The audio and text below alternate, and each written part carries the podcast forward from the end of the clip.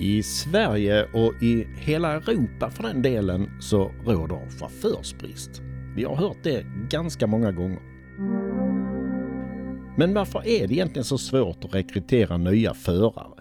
Innebär det att landets alla transportgymnasium gapar tomma och att skolans personal ränner runt på stan med flygblad för att locka till sig nya elever?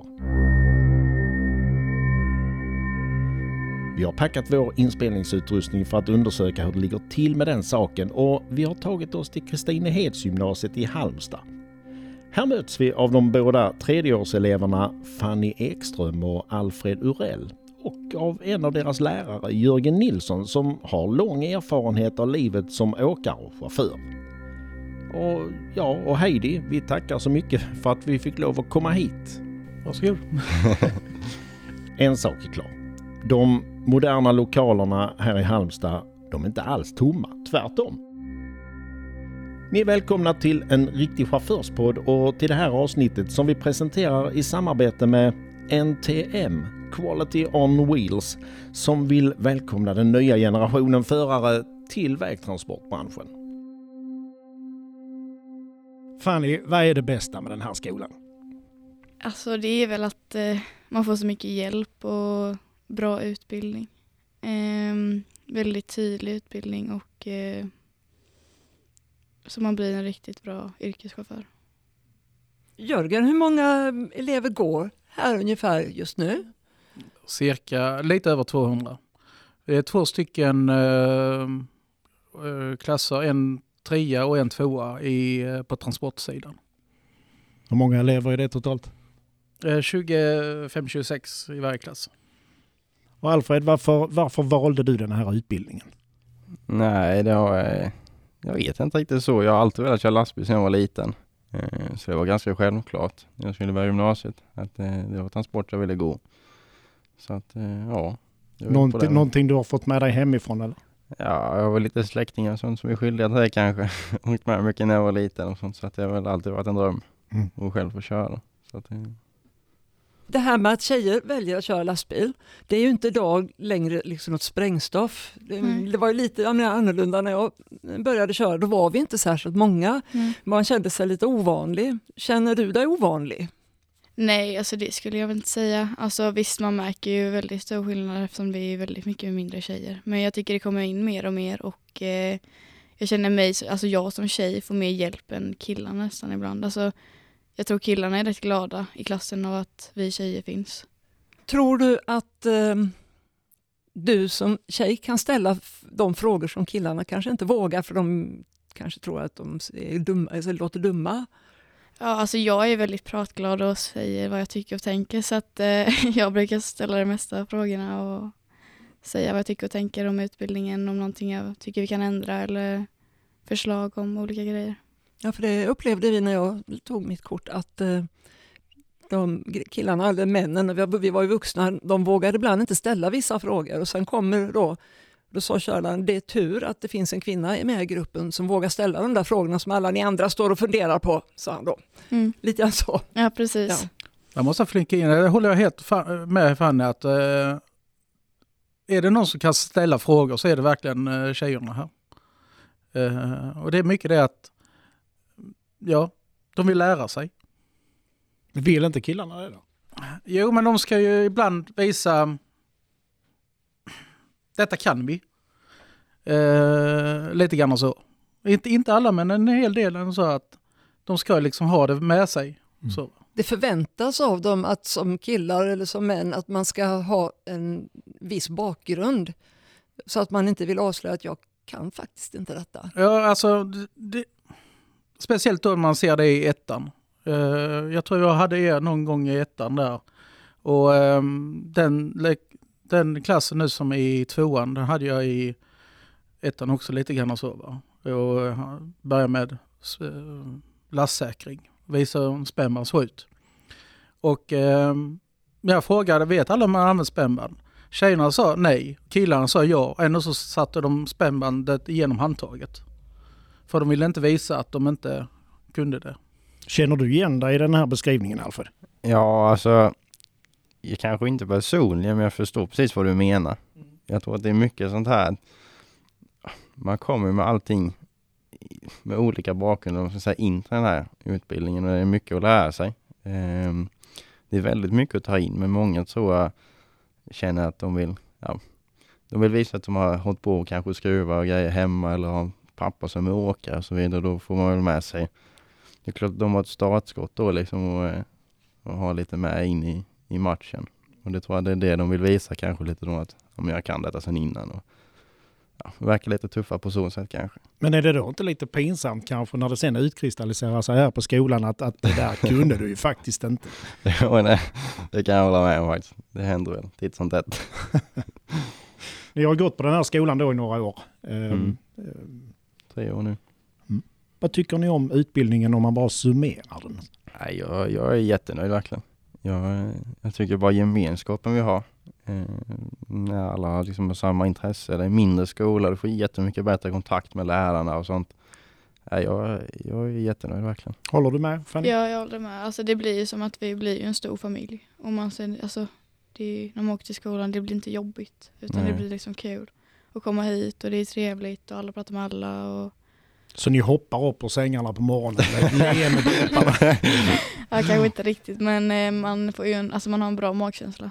Men det, det är som du säger där, alla, man hälsar liksom på alla, alla pratar med varandra. Det, det är aldrig, det är inte ofta här bråk på, eh, på den är inte alls samma sak som i grundskolan. Liksom. Det, är- eller sådana grejer. Man- Man blir som en liten familj som Fanny säger. Det, är jävligt roligt faktiskt. Ja, nu, nu, har ni, nu ska ni ju snart ut i verkligheten. Och om ni fick välja, vilken typ av körning vill ni ha när ni slutar skolan? Du kan ju börja. Jag vet inte riktigt, man får väl testa sig fram tänker jag. jag eh, Finns det ingenting som du känner att oh, det där, vad, vad skulle du vilja börja testa i så fall? ja, antingen, eh, jag har ju lite sån dröm att få köra asfalt sen. Och köra sånt. Men eh, vi får väl se lite vad, vad som händer. Ja, med tanke på hur vägarna ser ut så lär du ju ha jobb. Helt rätt. Vad tänker du Fanny?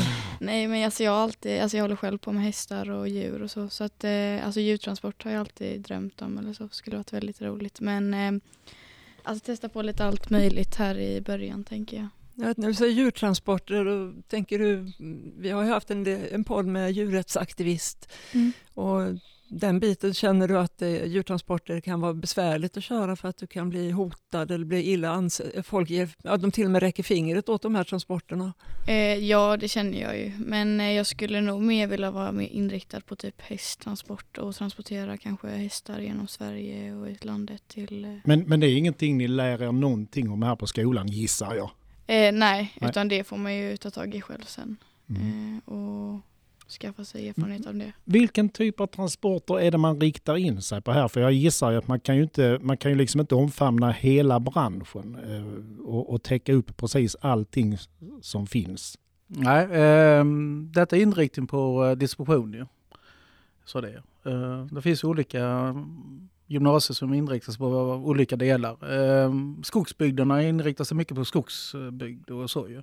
Jag vet att Växjö ska väl börja testa på att bygga ett nytt gymnasium bara för skogsbilschaufförer och liknande. Okej. Om man då tänker, eh, du pratar om djurtransporter Fanny och du pratar om asfaltkörning. Men eh, kan man, hur, hur, eh, hur tänker ni runt det här med att ligga ute i veckorna? För jag menar, det, det kan ju bli högst aktuellt för er båda två egentligen ju, med tanke på att du ville köra hästar.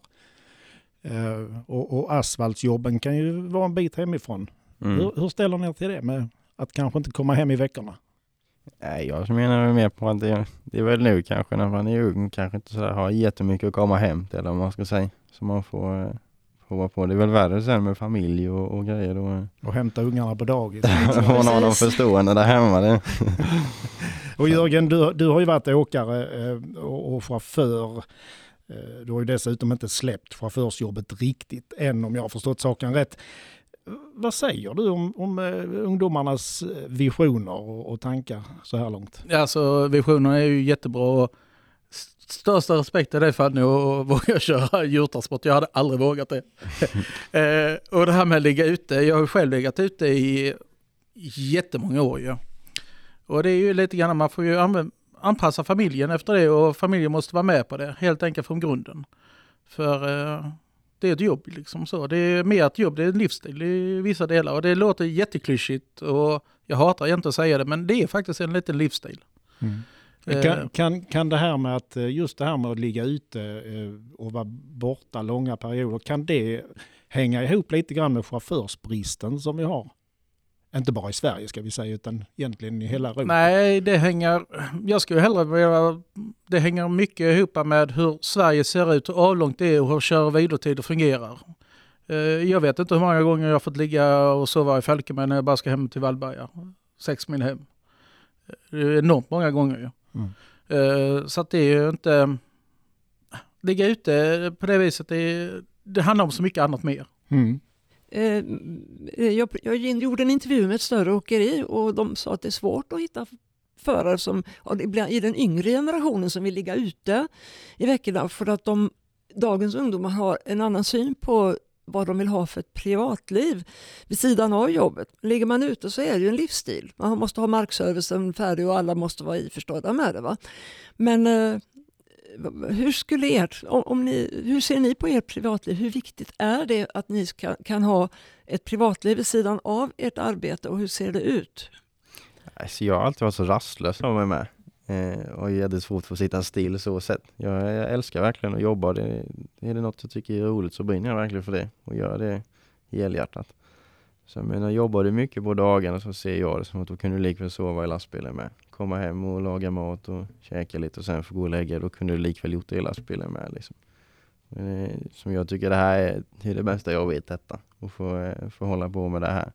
Så att eh, desto mer tid desto bättre kan jag tycka. Men sen klart att det kanske ändrar sig framåt sen, det får man väl se. Men nej, helt klart. Vad tänker du Fanny? Nej men som Alfred säger, alltså, jag har också kunnat tänka mig ligga ute. Men sen har jag ju mina hästar med. Som tar väldigt mycket tid och liksom, jag har ju varit i stallet sedan jag var liksom nyfödd. Så att, eh, och jag bor på en gård och hästarna är hemma. Och, så att det är ju rätt mycket jobb med det. Eh, så det är lite svårt att ligga ut kanske jättemånga nätter. Eh, men någon natt då och då, eh, absolut. Jörgen, du? Ja, ehm, det här med eh, att ligga ute och liknande, alltså jag har nog lyft det en gång innan och det är ju så att kan man bara få ihop familjen så är det inga problem. Men man måste liksom prata med varandra så. Eh, När jag började ligga ute jättemycket då eh, föddes min son. Han är 20 år snart. Eh, och eh, jag slutade egentligen ligga ute då 2016, eh, ja, typ någonting så, hela veckorna. Men vi har fungerat jättebra ändå. Det gäller bara att man har en viss, eh, ja, man får nästan göra ett schema så, och då fungerar det bra. Va? Men och, det, en, och en videokamera och spela in alla högtider på skolan och Ja, sånt. där. Så ja men, men, men, men så är det. Så är det. Man får offra mycket för detta jobbet. Och eh, sedan så är det också så här att det här med eh, den här äldre generationen som vi pratar om då.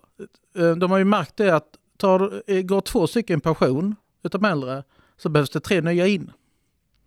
För att med all rättighet så krävs bättre arbetsförhållande. Ehm, så, ehm, den gamla generationen har svält, svält mycket utan, eh, som inte egentligen ska behövas.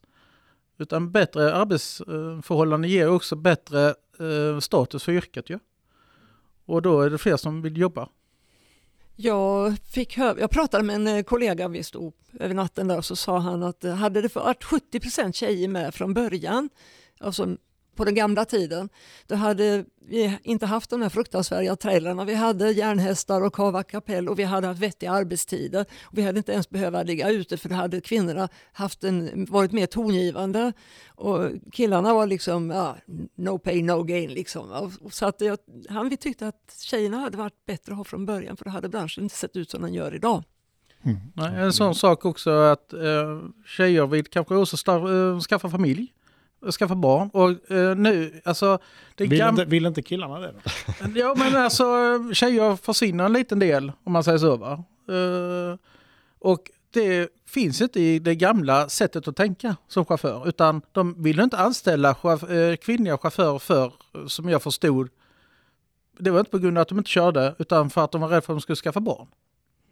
Och då har du lärt upp dem så vill du inte bli av med den då va. Kanske inte isolerat problem för transportbranschen. Det kan ju se Nej. ut så i hela samhället egentligen. Men eh, just på den här transportbranschens eh, villkor nu att nu får de börja tänka på detta. Mm. Så att de får börja tänka om från nytt nu hela transportbranschen. Men sen har jag ju hört tvärtom också, att, att äh, åkare gärna ser kvinnliga chaufförer av, av en anledning. Och det är ju för att de menar på att de kör sönder mindre. Ja, ja visst är det så. De, både billigare bränsleekonomiskt, kör sönder mindre och liknande.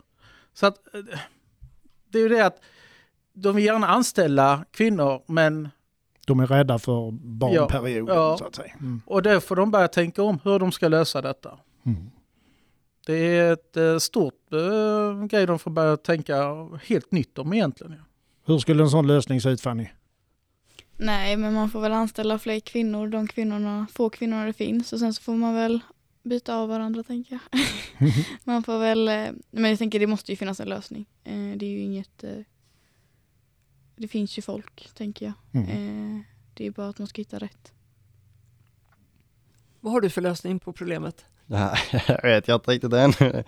Ja, för det är trots allt det, det, det, som är det, ja, elefanten i rummen är ju faktiskt att, att eh, kvinnan måste bära barnet. det, och det är ju där situationen spetsar till sig. Jag hade ju mina fyra färdigbakade och utklämda så att eh, det var liksom ingen risk att jag skulle få fler barn så att därför var det ju liksom en praktisk lösning då. då. Utom för min man då som fick ta hand om alla fyra när han pendlade till Köpenhamn. Ja, gud vilken härlig man jag har. Men eh, det som jag säger, det måste funka med familjen. Nu fick du göra reklam för din man. Men om... Ja, han har också varit lastbilschaufför. ja, ja. Så han var den här jag träffade. Ja, Men om, om ni elever skulle få lov att göra reklam för transportutbildningen, hur skulle det låta egentligen då? Var, varför ska man söka sig till, till just den här skolan till exempel? Ja, alltså nu när vi har fått ny skola, vi har nya fräscha lokaler framförallt. Vi har jättebra lärare här med. Eh, och vi är så pass liten skola. Vi har ju i nuläget eh, här bara transport och personbil och tungmäkt då. Så det är ju bara inom fordon här. Och så har vi med anläggarna då som kör lite grävmaskin och sånt. De men... kom där lite grann. och, och, så har vi då de där. ja, precis. Nej men vi, det blir en ganska liten skola så vi får en jävligt bra gemenskap här. Vi har jävligt roligt under dagarna. Håller du med mm. Fanny? Ja absolut och just att jag som är väldigt praktisk, jag gillar det här med amen, få göra istället för att sitta vid bänken och skriva mm. hela tiden. Så de, de för... som tvekar här nu liksom sådär, mm. ska jag verkligen välja den här skolan? Självklart ska de göra det. Det ska man göra. Ja absolut, med tanke på våra lokaler och liksom verkstaden och det är liksom eh, massa olika billiftar och verktyg och C-huset som vi har som i vårt hus i transport då med körfält och lastbilar och hitan, alltså det, allt finns ju här som man, man behöver. Lär, ja det är som du säger, man lär sig jävligt ja. mycket. Man blir ganska, man får en omfattande utbildning om mycket, och lite om mycket liksom. Så att det är, helt klart, det tycker jag. Uh, Fanny sa C-huset, det är alltså ehm, Ja, det är det bästa stället jag vet. Det är alltså vårt magasin. Ett nybyggt magasin med riktiga bryggor, riktiga eh, staplare, ett stort pallställ och man kan eh, som lärare kan vi lägga upp en hel eh, fraktlista de ska lasta och eh, kunna beräkna och liknande. Ja, vi var faktiskt inne och tittade innan vi började den här podden, var vi mm. nere och tittade där. Och, och det ser ju faktiskt ut som en, en riktig liten terminal kan man mm. säga. Mm. Och den är jag jätteglad för. Så det, är, ja. det är där jag trivs om man säger så. Va? Och vi kan ju intyga då som har gått runt där, jag och Heidi, att, att äh, det är en fantastiskt fin miljö. Mm. Väldigt, äh, vad ska man säga, behovsanpassad. Här finns det mesta verkar det som. Mm. Ja, vissa delar är ju som du sa, när jag ser eh, magasin, där lastbryggorna och även utanför. Där fick man sådana här flashbacks, liksom, så, så, här, så där ser det ju faktiskt ut på en del mm. ställen. Sen finns det ställen som ser för jäkliga ut, när det bröt överallt, men det, det gav en realistisk mm. bild av det. Så att, mm. Ja, vi, vill, vi vill ju få en, alltså en utbildning som är så närma verkligheten som möjligt. Ja? Och det går att göra här. Vi har ju en våga, vi har bra truckar, eh, vi har eh, bra grejer att jobba med. Vi kan ju köra eh, all sorts krankörning och vi kan köra all sorts lastväxlare och lasta på delar på eh, både bil och släp här och trailer och liknande och räkna ut och alltså verkligen komma in på arbetslivet alltså. Mm. Ja det låter fantastiskt och det, det, ser minst lika fantastiskt ut så jag skulle ju verkligen kunna också rekommendera att söka sig hit. Här. Säkert många andra skolor i landet som är precis lika fina. Men, men det här imponerade faktiskt på mig, det måste jag tillstå. Just det här med Svenska Truckers som nu går på tv. Tittar ni på den? Mm. Jajamän. Vad, vad tycker ni om den? Alltså, tror ni att den serien kan locka fler att bli chaufförer? Och vad tycker ni om hur den bilden de visar chaufförsyrket? Hur tycker ni den stämmer med verkligheten? Alltså jag tycker att eh, den är rätt givande alltså, att titta på så man får en inblick i hur det verkligen är i alltså verkliga arbetslivet och olika transporter och sånt. Och jag, alltså jag själv känner att jag blivit lite mer intresserad av specialtransport. Eh, när man har kollat alltså, när de kör stora grejer och transporterar och hur man får tänka och stoppa trafik. Och, ja, det är väldigt mycket som hör till runt. Vad tänker du? Nej, jag tycker det verkligen var ett jättebra initiativ av dem att- att lyfta fram det här yrket. För det, det, det tar en stor del av samhället idag med. Jag tror inte riktigt folk är kanske med helt på banan hur, hur grejerna kommer fram och tillbaks. Utan man, det är väldigt lätt att sitta hemma till exempel och klicka hem massa grejer och sånt. Och det, man kanske inte riktigt förstår hur många led det tar verkligen för grejen att komma hem med. Och jag tycker de lyfter fram själva yrket ett bra Mm. Det vi behöver chaufförer liksom. Det är ett bra sätt att få in fler och få en inblick i det här liksom. Att man, man sköter sig själv ofta och gör man vad man ska. Så, så Är, är det ganska här tv-programmet någonting som ni brukar prata om i klasserna? Alltså när det, ett nytt avsnitt har sänds? Ja, det, det blir rätt mycket sånt och i början så eh, när vi började transportutbildningen här så såg vi några avsnitt så här tillsammans som en liten introduktion på eh, utbildningen eller vad man ska säga. För att eh, få en liten mjukstart men ändå få se lite olika kanske som man börjar. Det är bra som de har sagt till oss att man ska ändå ha lite mål i huvudet under hela utbildningen med så man är lite med på matchen sen liksom på Mm. vad som händer sen. Vad tycker du Jörgen om programmet? Eh, Jag, jag älskar det rent ut sagt. Alltså det, det visar verkligen eh, vardagen. Eh, hur sån här slangbrott mitt ute i skogen ser ut och att man får göra det. Och det visar, ja, jag vet eh, Helens äh, åkeri där, äh, vägarna ute, de ska sätta ut äh, djuren i hagar och hur det ser ut. Och, ja, mycket, alltså det belyser, och en sak som belyser jättebra, det är kör och vilotider. Det är att det handlar om minuter ju. Så hela tiden. Och det, det kan vi försöka förklara för vanliga Svensson hur mycket som helst och de lär aldrig få begripa det. Aldrig. Uh, sak är att, eh, att man måste stanna och måste verkligen stå stilla och så här. De, nej. Så att det är jättebra att de belyser det. Mm. Man kunde nästan tagit det lite bättre. Om man tittar på framtiden då, hur, hur ser den ut för er om vi fokuserar på, på era yrkesval? Kommer chaufförsyrket att, att fortsätta vara attraktivt eller kommer det att vara attraktivt? Vad tror ni händer med chaufförsyrket framledes? Ja, alltså det blir ju inte mindre transport i det här samhället vi lever i nu. Så att, menar, det måste ju finnas folk, så är det ju. Och det hur man än vänder och vrider på det, någon måste ju köra liksom. Så att, eh, jag tror fortfarande att det, det stiger. Det märker man bara på klasserna nu. Det är jättemycket mer folk som söker sig hit bara nu. Man skulle inte bli lokförare istället alltså, för man ska ju över godset på järnväg. det tror ni inte på. Nej, det vet fan. Jag, jag är mer för vägen. Det tycker jag. Ja, jag känner väl, alltså det är samma där. Så jag tror inte, alltså det ser man också nu, eh, ettan som är nu. Det är väldigt mycket fler tjejer där än vad, vi är bara tre i min, min klass. Okej. Eh, och där var de ju, jag vet inte hur många, men det är ju minst sex, sju stycken. Men det är ju också en sån grej som ni nämnde innan med svenska truckers, att det var med kvinnor och sånt där med. Och Mm. tjejer kan köra, det är rätt coolt tycker jag när man ser att de här tjejerna de kör liksom, det är rätt kaxigt när man ser dem som kör ja, en timme bil ute i skogen och klarar sig själva och sånt. Jag tror det blir ändå en liten sån grej att ja, man får se att du, behöver liksom inte vara jättestor stark grabb för att kunna klara av ett sånt yrke utan det går alldeles utmärkt att vara ja, en tjej i det med liksom. Jag måste också flinka in alltså. Um, när jag började köra lastbil så var det ju som sagt rätt så ovanligt att köra, eh, tjejer körde lastbil. Eh, men det har gått bättre och bättre med det tycker jag och eh, speciellt inom eh, flistransport och lastväxlar och liknande. Och det är ju sådana saker som eh, har börjat sen att börjar det någonstans så måste det sen byggas på att göra det lättare och mer ekonomiskt för alla andra jobben också. ju. Det är som distribution. Förr var det bara handtryck och jag tror att de flesta ställen nu har små eltryckare till exempel. För man ska inte behöva slita ihjäl sig. Nej. Det här med, vi var inne på det innan här med slangbrott mitt ute i skogen och så vidare. Och eh, kanske många som tittar på det här programmet, Svenska Truckers, eh, får lite eh, aha-upplevelser, kan jag gissa. Att eh, mycket av de här sakerna som inträffar hade man inte en aning om kunde ens hända. Va? Men du som lärare Jörgen, vad är det absolut svårast egentligen att lära ut till eleverna? Kan man förbereda någon som är på väg in i branschen på allt som kan förväntas hända dem? Aldrig.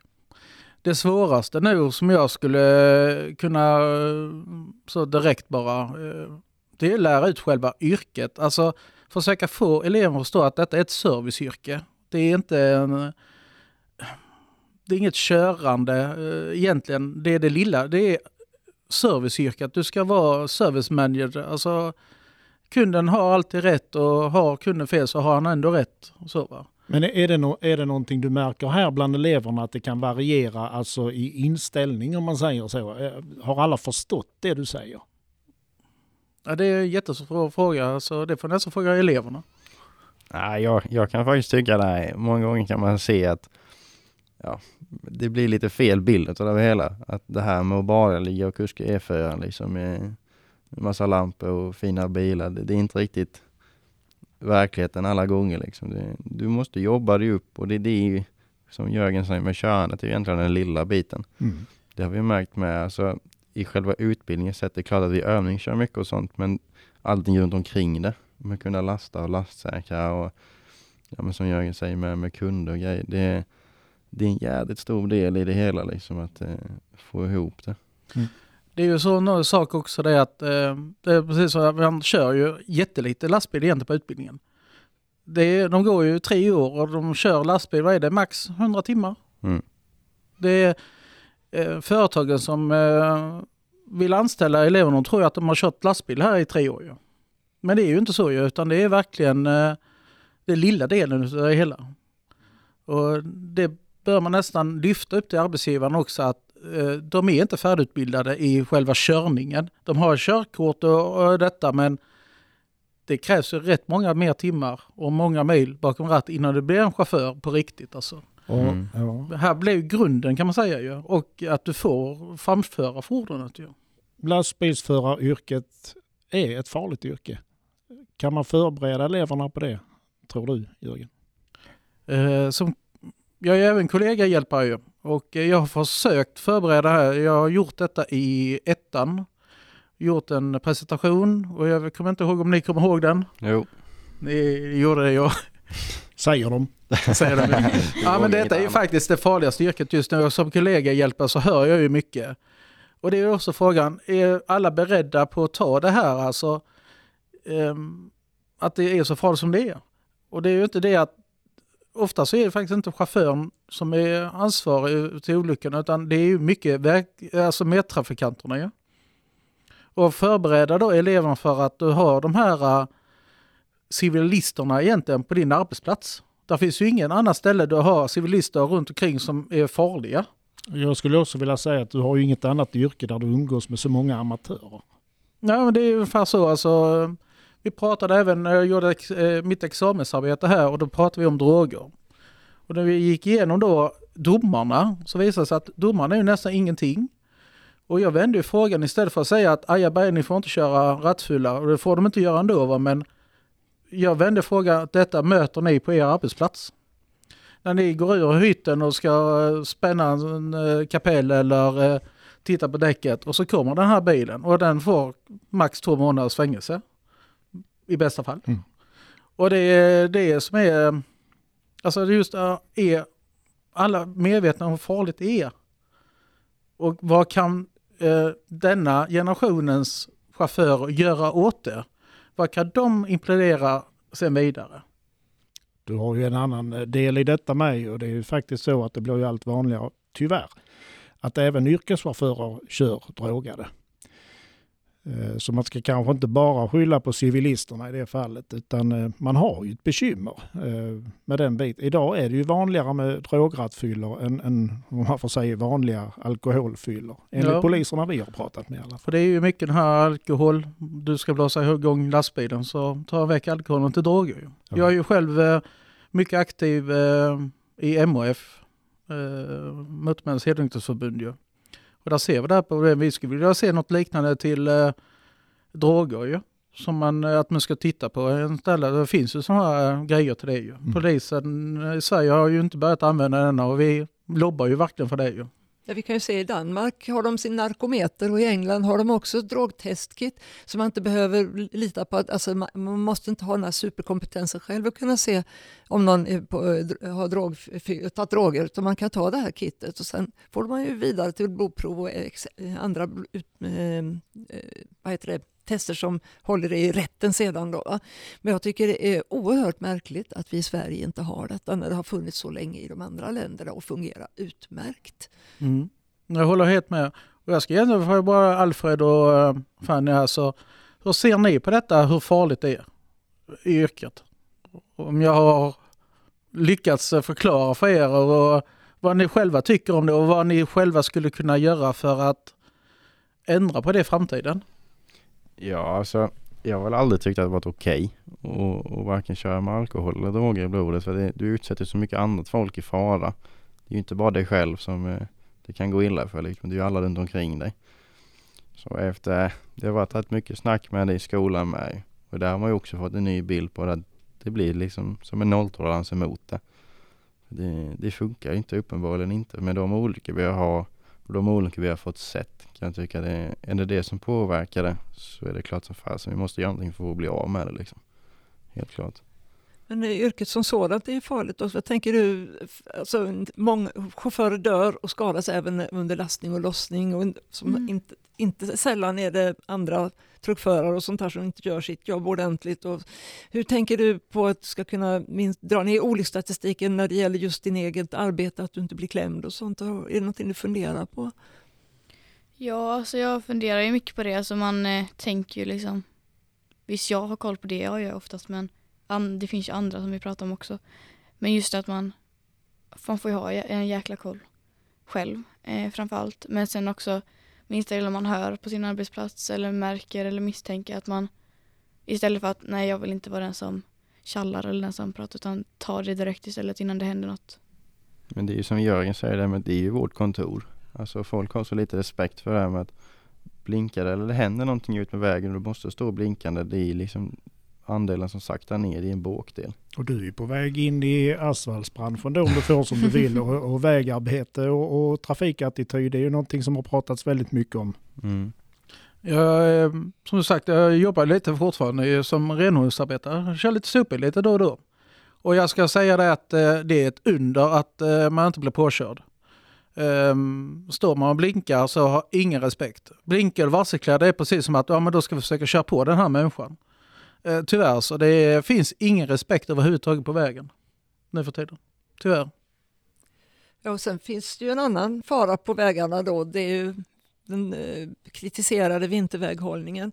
Det har jag ju sån här, man kan, vissa minnen som har etsat sig fast och man har gåshud när man tänker på hur gick detta? Hur, hur lyckades jag klara det här? Eh, och ni kommer ju också köra halka. Är det också någonting, tänker vi nu, med tanke på dagens, morgonens ishalka här, att eh, står ni och backen rätt ner så svänger det där och ni vet att det här är packad snöis. Hur tror ni att ni kommer känna då? Alltså det kommer ju, man kommer nog känna i magen liksom att ja, det, det kan ju gå åt helskotta men eh, det kan ju gå bra också. Men det gäller att man har kontroll på vad man gör och försöker ta det så sakta som möjligt. Och...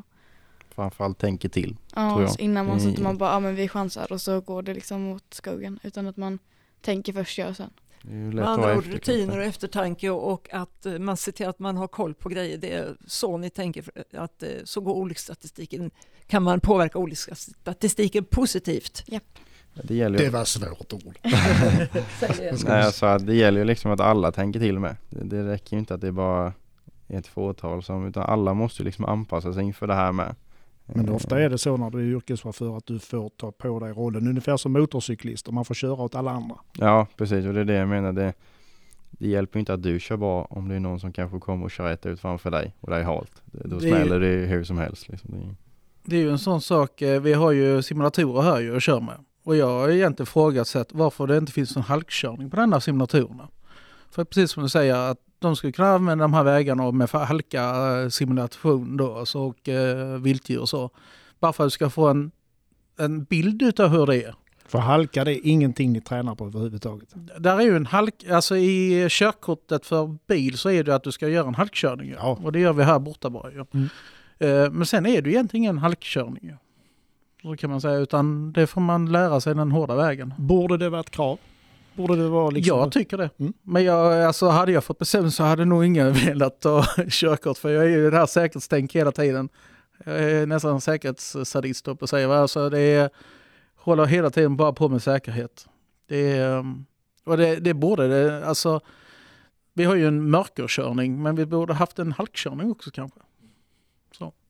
Talar ni om eh, hur man ska agera när, man har, när släpet börjar köra om en som du, ja, vi har väl upplevt det allihopa här. Som, Jag skulle sagt, finns släpvagnsbromsar idag överhuvudtaget? Nej tyvärr, Nej. det har räddat mig många gånger. Ja. Men eh, pratar ni om hur man ska göra, eller framförallt vad man inte ska göra när saker håller på att gå åt peppan? Välta eller eh, halka? Det är svårt kanske att prata om det i teorin. Ja, men när vi är ute och kör så pratar vi ju lite grann om det. Att, uh, men det beror på vilka grejer som kommer upp. Uh, jag vet att jag och Alfred var ute och körde nu häromdagen med släp och jag tänkte inte på att man vill diskutera vad som kan hända när vi kommer i en sån situation utan det var mer att vad som kan hända om man inte täpper till släpet uh, direkt efter en sväng med elsparkcyklar och eh, cyklister. Det kan komma mellan släp och trottoarkant och sånt här. Men ja, det beror på vad som kommer upp ju. Hade en älg kommit upp framför oss så hade vi kanske bara pratat om det. Så, så är det ju. Med chaufförsyrket så följer självklart ett stort föraransvar och Alfred och Fanny är helt medvetna om det. Vi eh, fortsätter den här diskussionen med de båda eleverna och deras lärare Jörgen i det här avsnittet som vi presenterar i samarbete med NTM, Quality on Wheels. Förutom själva körkortet så får ni även YKB. Vad tycker ni om YKB, yrkeskompetensbevisen? Är det bra? Är det nödvändigt? Lär ni er något? Kan ni, när ni tänker på att ni ska göra om detta vart femte år, så vad tänker ni kring YKB? Så vi ska ju bli yrkeschaufförer så att eh, det är ju A och O egentligen. Eh, vi måste ju ha det. Eh, och man, eh, framförallt nu, vi lär oss väldigt mycket. Alltså ännu mer om kör och vilotider, hur noga det är och ja, allt möjligt eh, inom just yrkes. Mm. Ja, det är väl lite som Fanny säger där med att nu har inte vi jobbat inom det liksom, men eh, ja, det blir ju en del vi måste ju ha med oss för att kunna ta oss ut. Och det här som du säger med att det ska repeteras för femte år. Jag vet ju inte hur det ser ut om fem år liksom. Det finns ju en anledning antar jag för att det här har uppkommit så att det är ju Ja, alltså det kan kanske vara en generationsfråga med för att vi, vi pratar ju, eh, när vi pratar YKB så gäller det ju alla. mm. Eh, man kan ju inte köra av gammal hävd längre. Att man eh, säger att jag har kört lastbil i 30 år så plötsligt ska man sätta sig i skolbänken. Så att det finns ju de människorna som tycker det är fullständigt onödigt. Hur, hur ställer du dig till det Jörgen? Alltså i början så tänkte jag, vad är detta för någonting? Det första gången det kom. Men jag har fått verkligen omvärdera mina grejer. Att, eh, jag hör ju många som frågar, det här med YKB, det är rent ut sagt ett jävla dravel. Men jag tycker inte det. Eh, problemet med YKB är ju läroplanen på YKB. Den är ju för dålig. Eh, egentligen räcker det att du är på plats, håller tyst och betalar din peng så får du det. Egentligen är det bara så ju. Eh, jag skulle vilja se en mycket mera praktisk YKB och mycket mer inkluderande YKB och kanske till och med ett prov. Så va. Så att man verkligen får lära sig någonting. Men det är ju någonting som man får lyfta högre upp ju. Men det blir ju samtidigt en kostnad för arbetsgivaren, alltså för åkaren och, och liksom Mm. ta ut en person från produktionen under en dag för att eh, köra en delkurs till exempel. Eh, borde man inte kunna göra den på distans i en större omfattning? Jo, jag, distans kommer till eh, antagligen till att bli mer och mer ju så va. Jag har själv lyft den frågan. Men eh, Du har, själv, du har själv lyft den frågan, då måste vi säga också att du, du är politiker dessutom. Ja, ehm, jag är ju både kommunpolitiker och eh, har ett riksintresse inom transportfrågor. För vilket parti? Eh, Kristdemokraterna. Mm. Eh, jag, eh, du sa någonting här om eh, lyfta ut personal som kostar pengar och jag håller med dig. Det är mycket pengar eh, för tillfället men eh, får de någon utbildning utav det, då är det helt annat grejer. Ska de bara sitta där och kosta pengar och inte lära sig någonting och ändå ringa till en sån som mig och fråga hela tiden hur var det nu med här med kör och vilotiderna? Hur var det nu med axeltrycket? Och inte minst med lastsäkringen. För det har ju Exakt. vi sett eh, på tidningen. Vi är ju ganska mycket ute med trafikpolisen på deras kontrollplatser och då blir man ju lite förvånad. När man emellanåt ser katastrofala exempel på hur det inte ska se ut. Ja, jag har visat den nu för er ju. Lastsäker, vad hette den första filmen ni gjorde? Ja, det var lastsäkring. eh, Ja, det hette egentligen bara Ja, lastsäkring. ettan. Ehm, Den som avslutar så himla fint med, eh, vad heter nu polisen? Eh, Farid Umeflod. Farid, han säger jag är kär när han tittar på lastningen. Det är, Ja. Ja, den är helt underbar den. Okej, då kan vi passa på att göra lite reklam för Proffs webb-tv då ju. För att där finns tre avsnitt av den här lastsäkringsserien. Titta gärna in på den. Eh, Fanny, vad har varit roligast under din gymnasieutbildning? Vad har du tyckt varit mest roligt att hålla på med? Alltså just det här, men alltså typ friheten att komma ut, sätta sig alltså bakom ratten i en lastbil och liksom få köra, alltså det här stora fordonet. Det har varit, alltså det har varit väldigt häftigt att liksom, man trodde kanske inte det i början när man började liksom, ska jag köra den stora lastbilen så här. Men det är någonting man alltid har velat så sen så bara flyter allting på. Ja, Och för Alfreds del, alltså, man kan ju ta körkort för tunga fordon utan att gå på gymnasieskolan. Eh, hade du, tänker du att det skulle kunna varit en bra väg för dig in att ta ett tungt kort utan att gå på gymnasieutbildning? Eller tycker du att det här är ett bättre val? Eller? Ja, det var som jag sa innan, jag har alltid velat köra lastbil. Så jag tänker väl mer desto tidigare desto bättre har det varit för mig. Liksom. Och, eh, och samtidigt som det här med, ja, jag har gått här tre år, man har fått med sig jävligt mycket. Och det är ju inte bara själva lastbilsgrejen vi har fått med oss härifrån. Utan vi har både haft lite verkstadsgrejer i ettan och ja, men, med allt vad det innefattar. Det är ju inte bara själva körandet utan det har varit ja, med rekonditione- rekonditioneringskurser och eh, Ja, det kan ju sannoliken behövas lite rekondkunskaper när man delar bil med andra chaufförer. Ja. Ja, känner, men då känner, kan ni säga att ni känner er väl förberedda för att börja? jobbet att gå ut? Jag tror på att man kan ju inte riktigt lära sig allt här. Det går inte att läsa sig till allting här. Och även om vi har jättebra lärare här så Du, får- vågar inte säga något annat. Jörgen han sitter och spänner ögonen på dig. Nej men man, man får inte med sig allt härifrån utan mycket får man lära sig utav att göra ja, kanske misstag själv eller prova sig fram själv. Och, Självklart. Så, det är väl det som både jag och Fanny brukar vara ganska bra på kan jag tycka. Att Mm. ta för sig och våga framförallt. För att Mm. det, det är då du, det sätter sig i ryggmärgen.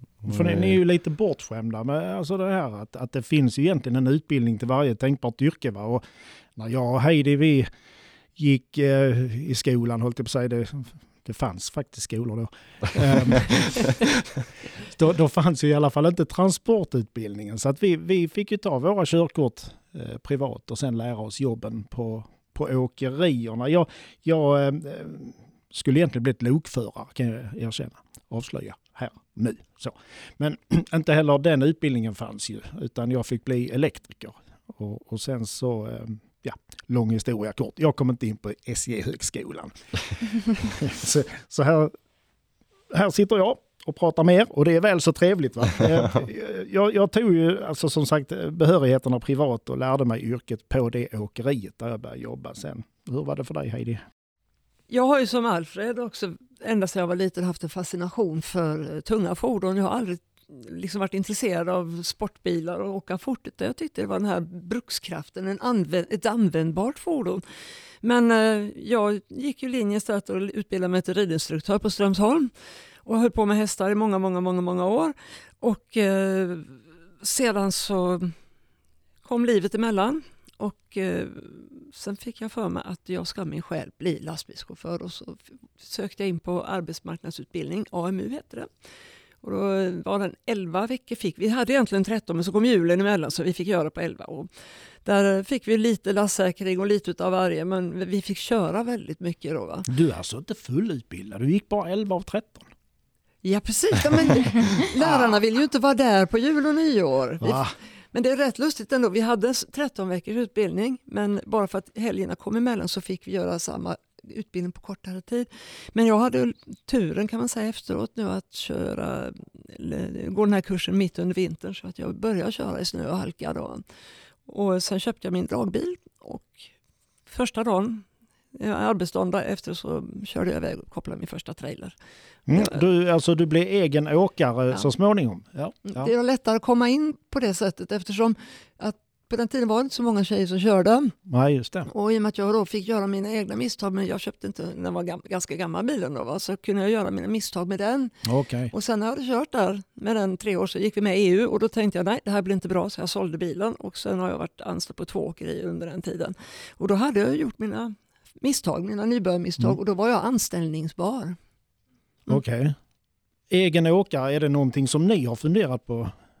Ja, alltså inte nu under närmaste tiden. Jag vill ut och skaffa mig erfarenhet först eh, och bli lite varm med kläderna innan man kanske blir allt för kaxig liksom. Mm. Men eh, absolut att det har varit kul att, att bygga upp någonting själv. På, eh, ja, men senare kanske. Fanny? Mm, jo, jag säger också som Alfred att man vill gärna komma ut och vara lite varm i kläderna innan men eh, sen så skulle absolut eget vara något i framtiden.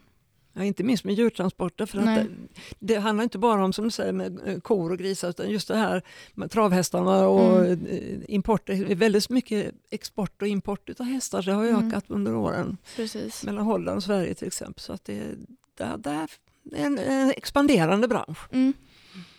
Eh, vi har ju snackat lite grann om det här med tjejer och, och så och könsfördelning och sånt. Eh, men vi tar det igen. Alltså, hur, många, hur många tjejer går det i varje klass här? Vi är väl 26 totalt eh, tjejer nu. Eh, och vi är väl, ja vi är tre i vår klass. Eh, ettorna var fler nu ju. Jag vet inte exakt hur många de var. Ja, och fyr, eh, tvåorna är ju fyra tjejer väl. Ja, Så att det är ingen, eh, det blir mer och mer. Men vi, eh, alltså inom transportbranschen så ser vi ju att vi måste ha 50 procent. Ja, men vi läser ju faktiskt att, att tjejer blir mer och mer intresserade Mm. av det här. Och som jag sa, vi sitter på Kristineheds-gymnasiet och vi ska tillägga det att den här skolan är inte sådär jättegammal. Nej. Men hur har man tänkt här? Alltså, eh, jag gissar att det finns omklädningsrum och sådana här grejer. Har man tänkt på det här med att, att eh, kanske det ska bli 50% tjejer och 50 killar eh, framöver? Finns, finns det tänket i logistiken i skolan? Alltså vi har ju ett omklädningsrum men tyvärr är det inte tänkt till fler än 16 tjejer. Okej. Så just nu i trean kommer vi tjejer ha, vi i treans tjejer kommer ha våra skåp utanför omklädningsrummet och få gå in och byta om sen. Mm. Och detta har varit en jättestor fråga eh, som vi har tagit upp och, på elevmöten och som rektorn har tagit upp och tagit upp högre och säger att vi, liksom, vi behöver ju större plats. Känner ni att ni blir hörda? Ja, eh, sen så kan man kanske inte göra så mycket just nu. Eh, men i framtiden, alltså det kommer ju komma ännu fler tjejer antagligen. Alltså när jag började öppet hus här för ett tag sedan, det var ju alltså, jättemånga tjejer som var tittare och intresserade och jag tänker blir det ännu mer tjejer så, Så får ni byta omklädningsrum med killarna. ja precis. Ja, om, om, man tittar man på chaufförs, om ni tittar på chaufförsyrket, på de som är ute i verkligheten, Mm. D- upplever ni att chaufförsyrket är, är jämlikt mellan killar och tjejer som är ute och jobbar? Alltså både ja och nej, alltså det kommer in fler och fler nu tycker jag. Eh, Ja, men så- just de som är ute, alltså, hur tror, tror ni att, har ni en uppfattning om att det är att eh, killarna tycker att tjejerna är lika duktiga eller när de kommer till ett företag, till exempel att företaget inte misstror när det är en tjej som kommer att hon kanske inte klarar av det. Sånt här. Vad, hur tror ni, hur, vad känner ni om det? Alltså när vi varit ute på praktik nu så har vi märkt att tjejer är väldigt efterfrågat och de tjejerna som är där är väldigt duktiga också. Eh, och jag har åkt med några tjejer också och man märker ju ingen skillnad. Eh, och de blir behandlade som killarna och liksom så. Är det positivt att bli behandlad som killarna? Hur blir ni behandlade? Nej, jag vill ju få det till att tro att det ser väl bättre ut nu idag än vad det gjorde liksom innan. Men sen kan jag tänka mig att det är nog inte helt, helt hundra på alla ställen kanske. Men att eh, överlag så ser det väl mycket bättre nu i alla fall än vad det har varit. Och vi är nog på väg dit med, men eh, med så mycket chaufförer som det behövs så är vi nog illa tvungna till att skärpa oss lite där kanske. Tror ni att det är skillnader på hur jämlikt det är mellan könen beroende på vilken de, bra, bra, gren inom transport? Om man kör till exempel asfalt eller om man kör trailerdragare. Tror ni att det är olika, ser olika ut när det gäller jämlikhetssynen ute beroende på körning? Ja, det, det kan nog variera lite. Det beror på kanske, ja, men som du säger, vad man gör lite.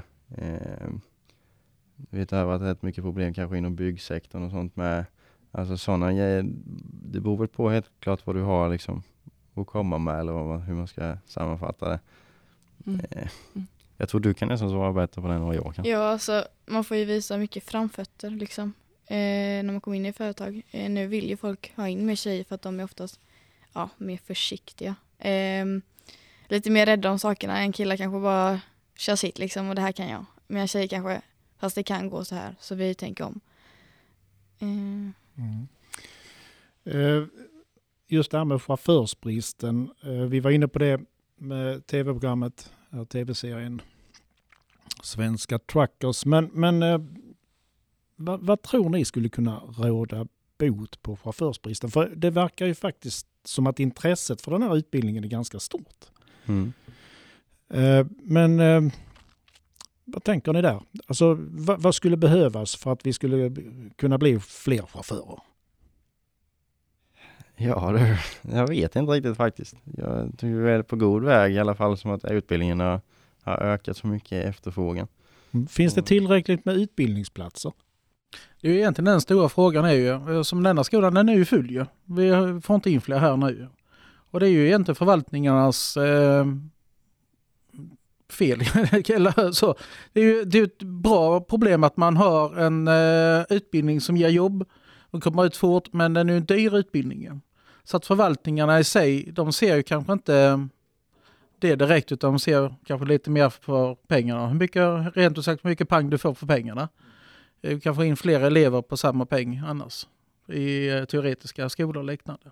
Men det löser ju inte problemet för branschen och, och det, det kan ju faktiskt mynna ut i ett samhällsproblem på sikt. Det, är, det blir ett samhällsproblem. Kolla hur det ser ut i England nu när det har chaufförsbrist där. Alltså det är ett jättechaufförsproblem ju. Ehm, och alltså, där är ett stort sök för eh, transport. Det är där. Eh, men det är inte tillräckligt med platser. Ser det ut så i hela Sverige eller är det ett isolerat Halmstad-problem? Lite svårt att säga. Jag har inte helt koll men jag skulle nog kunna säga att det är likadant i hela Sverige. Mm. Mer eller mindre kanske. Ja. Mm. Eh, och det, det här med tjejer också, där finns ju en skola, nu kommer jag inte ihåg var den låg, men det var 50% sök utav tjejer. Och eh, där ser man att vi kommer ju ditåt någon gång ju. Så att vi behöver verkligen tänka om i skolorna här. Jag vet att vår rektor här, Dan Håkansson, har gjort ett jättebra jobb med detta. Men eh, det är ju inte han som bestämmer allt. Det är ju en förvaltning som Som, betalar. han, som han ska få lyssna och som ska Ja. betala. Ja, precis. Mm. Mm. Och, men jag vet att Dan gör ett jättebra jobb. Och eh, jag vet nu senast, jag tror det var onsdag som han hade möte med er tjejer. mm, vi bara tjejer så hade vi ju möte om just det här med omklädningsrummet då, som är framförallt. För vi bytte från halvskåp men det blev ju inte bättre för man fick inte plats med sina arbetskläder. Det tar ju ändå rätt stor plats. Eh, så då ska vi byta tillbaka till de gamla skåpen och eh, han försöker vända och rida så det ska bli så bra som möjligt. Nu har jag naturligtvis inte tittat in i damernas omklädningsrum här, men, men vad pratar vi om i yta? Alltså vad, vad, hur stort är det? Hur många skåp får det plats? 16 skåp får han ha in. 16 sa du innan. Ja, just det, Mm. det stämmer. Mm. Mm.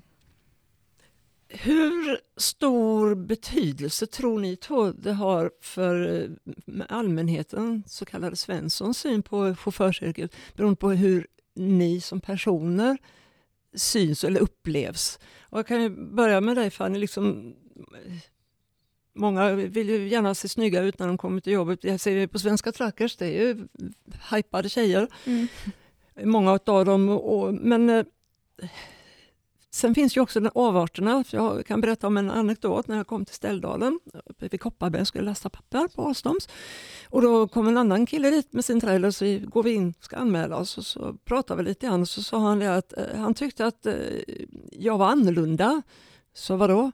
Ja, du är inte som de andra tjejerna. Så tänkte jag, oj, vad är det nu för fel? Liksom. Det, var det, första. det är typiskt kvinnligt, vad är det nu för fel? Mm. Nej, men han sa du spottar inte snus, du svär inte så det osar och du dunkar mig inte i ryggen och drar inte sexuella skämt, sa han. Jaha, men det är för att jag har också upplevt många gånger tjejer som eh, har, liksom anammar en grabbig attityd för att man tror att då är man en bättre förare. Vad tänker du om det? Skulle du gilla att någon kallar det till exempel stumpar och kickan eller hur du Selma liksom hämta den pallen? Och hur känner du eh, att det är viktigt att du vill upplevas av kunderna? Nej men alltså jag känner att bara för man är ett, i ett mansdominerat yrke så ska man ju inte behöva bli som killarna liksom. Jag är ju jag liksom och jag kommer fortsätta vara jag. Eh, och jag vet ju många i min klass, det är ju in, jag och en tjej till från samma skola som kom hit. Eh, men det är ju inte så vanligt.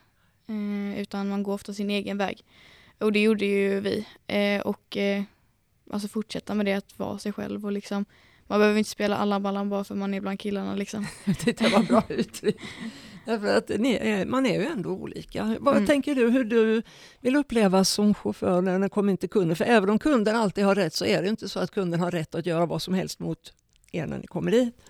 Nej, det har väl alltid varit lite så, i alla fall där jag kommer från inne i stan, eh, på vår skola när jag skulle söka hit. Eh, ganska mycket så här att hur kan du söka till fordon, kanske beroende på de betyg du haft innan. Eh, hur vill du liksom jobba inom den sektorn sen? Eh, och så vidare. Det har väl varit lite smutskastat kanske.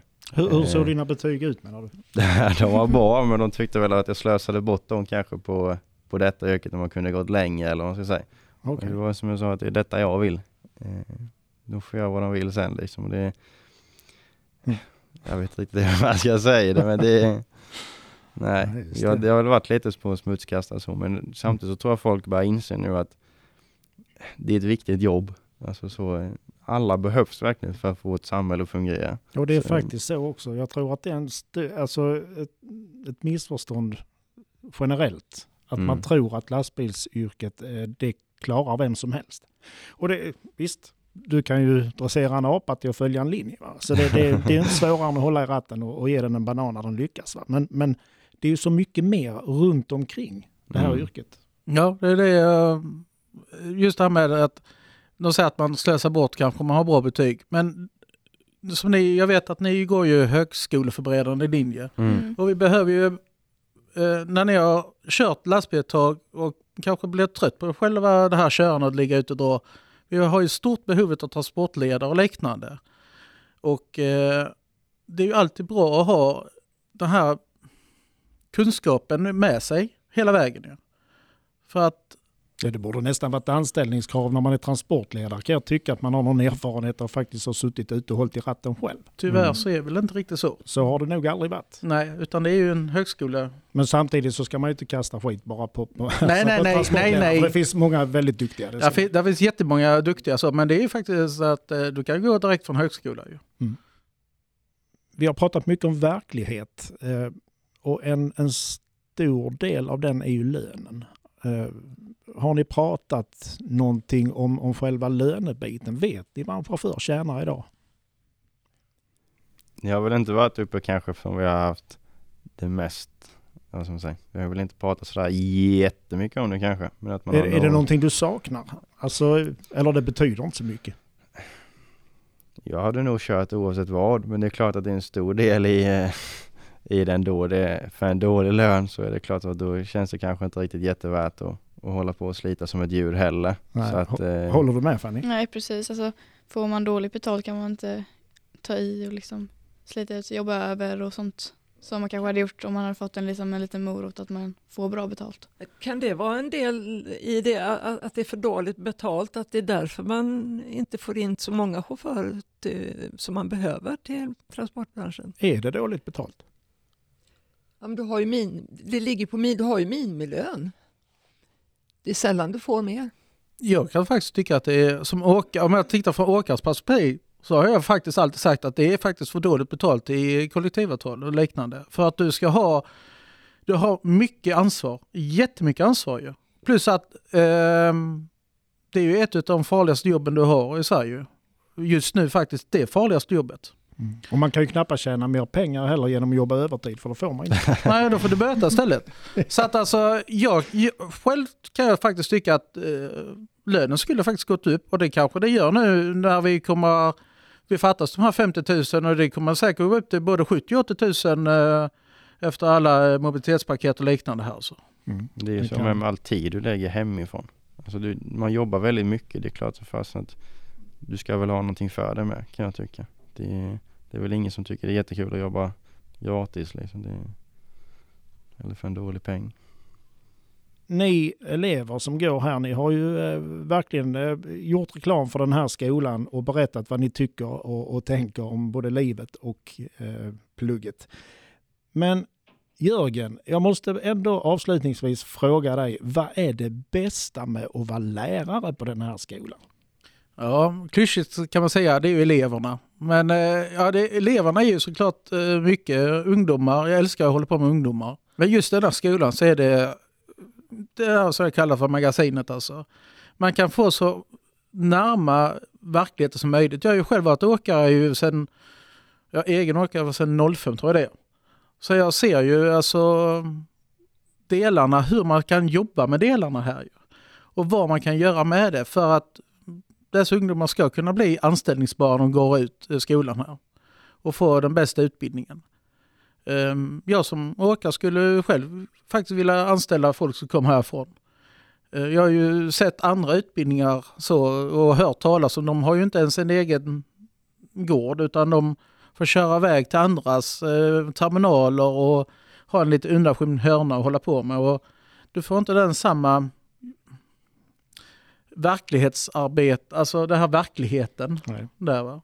Sedan så finns det alltid grejer att förbättra, det finns det va. Men mm. eh, jag tycker att detta är faktiskt en av de bästa skolorna jag har sett. Mm. Det har varit väldigt intressant att få lov att lyssna på era tankar och, och få komma hit och titta och se hur fint ni har det.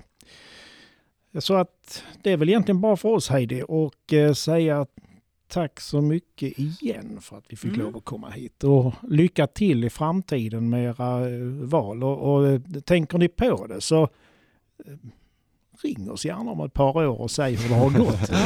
och, och, så här. Och hör jag ett gnägg i bakgrunden så vet jag att, att fan jag har lyckats. och hör jag bilister som tutar och eh, flaggvakter som svär så vet jag att Alfred han har i alla fall lyckats att komma in i asfaltsväng.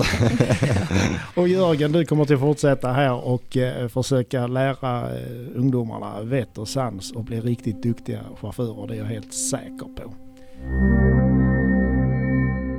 Vi skulle kunna prata i många timmar till med Fanny, Alfred och Jörgen. Om det nu är så att våra tre gäster representerar svensk transportutbildning överlag, då känns det verkligen hoppfullt inför framtiden. Men innan vi stänger av bandspelaren så skulle jag och tidningens vägnar vilja skicka ett budskap till landets alla politiker som har någon form av inflytande över den här typen av utbildning. Eleverna här på skolan har förstått hur viktigt det är med en fungerande transportbransch och när ni politiker också har fattat det så borde det inte vara särskilt svårt att ge de här skolorna ökade anslag och därmed även möjlighet för våra åkerier att bemanna sina fordon så att Sverige blir självförsörjande på högkvalitativa och säkra transporter. För svårare är det ju faktiskt inte. Tack för att ni har lyssnat på en riktig chaufförspodd. Det här avsnittet presenterar vi i samarbete med NTM, Quality on Wheels. Prenumerera på vår podd och prenumerera på tidningen Proffs. Då hjälper du oss att göra fler intressanta avsnitt om dig och din bransch och din framtid.